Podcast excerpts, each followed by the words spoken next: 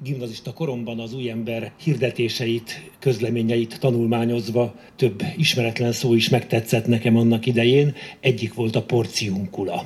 Egy szakavatott embert kérdezek, Dobszai Benedeket, hogy mi is ez a porciunkula, amely augusztus másodikán a Ferences templomokban egy nagyon jeles nap. Valóban a Porciunkula búcsú a Ferences rendi közösség egyik legnagyobb ünnepe. Assziszében található a Porciunkula kápolna és a köré épített bazilika, amely azért nagyon fontos a rend életében, mert úgy beszélünk róla, mint a rend első háza, vagy első kolostor, vagy protokolostora, így is lehetne mondani. A kis kápolnácskát, amelyet maga Szent Ferenc újít föl, a bencésektől kér el, az angyalos boldogasszonynak van szentelve, angyalok királynőjének. Ez az a hely, ahol a testvérek letelepednek, és valóban az első komoly rendi közösséget megalapítják, sőt nem csak megalapítják, hanem mind a mai napig a kisebb testvérek rendjének ez az első kolostora, a központi háza. Nem véletlen, hogy hosszú-hosszú évek óta, amikor a rend nagy káptalan tart, akkor mindig itt gyűlünk össze, itt szállnak meg azok a testvérek, akik megválasztják a rendnek a legfőbb vezetőjét, a generálist, akik tanácskoznak a rendnek az életéről. Ha belépünk a nagy és egyszerű bazilikába, akkor ott középen a kupol alatt találjuk a kis kápolnácskát, amelyet megőriztek tulajdonképpen eredeti állapotában, bár kívülről kicsit kifestették, mégis belül az oltárkép, a berendezés, a, a kövek, azok nagyon szépen beszélnek Szent Ferencről, arról a szegénységről, amelyet ő élt, és amelyet a testvéreinek is példában adott, és hát valóban egy olyan kis kápolnácska, amely a Szent Szűznek van szentelve, aki az angyaloknak a királynője. Ez egy templom a templomban.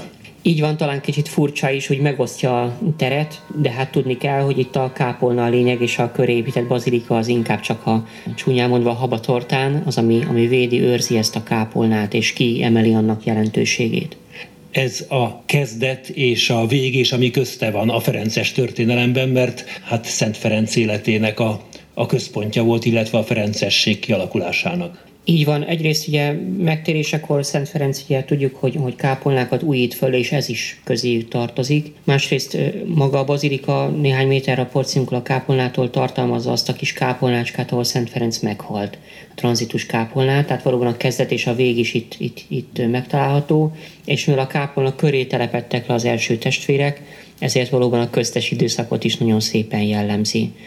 Porcinkula búcsú mit jelent, és mennyire van benne a köztudatban ez? Szent Ferenc maga nagyon fontosnak tartja a búcsút, annak az eredeti értelmében, és ezért kéri harmadik Honorius pápától, hogy engedélyezze, hogy ebben a kápolnában búcsút lehessen elnyerni. Tulajdonképpen ez az, amit meg is kap Szent Ferenc, de nem csupán csak erre a kápolnára kapja meg a rend, hanem ezt terjesztik ki később, és a világ összes Ferences templomában búcsú nyerhető augusztus másodikán Angyalos Boldogasszonynak az ünnepén mivel a búcsú egy nagyon fontos lehetősége a vallásos életünknek, nyilván az évszázadok során nem nagyon tudtak elzarándokolni túl sokan ebbe a kis kápolnácskába, de Ferences templom vagy Ferences kápolna viszont nagyon sok helyen található. Ezért is vált annyira jelentős az egész világon a porciunkla búcsú, amelyet mind a mai napig tartunk. Búcsú szerzésére, nyerésére ma is van lehetőség, nyilván a szokásos feltételekkel, Szent Jónás szent áldozás, imádsága Szent Atya szándékára. Ez ma is minden Ferences templomban lehetséges.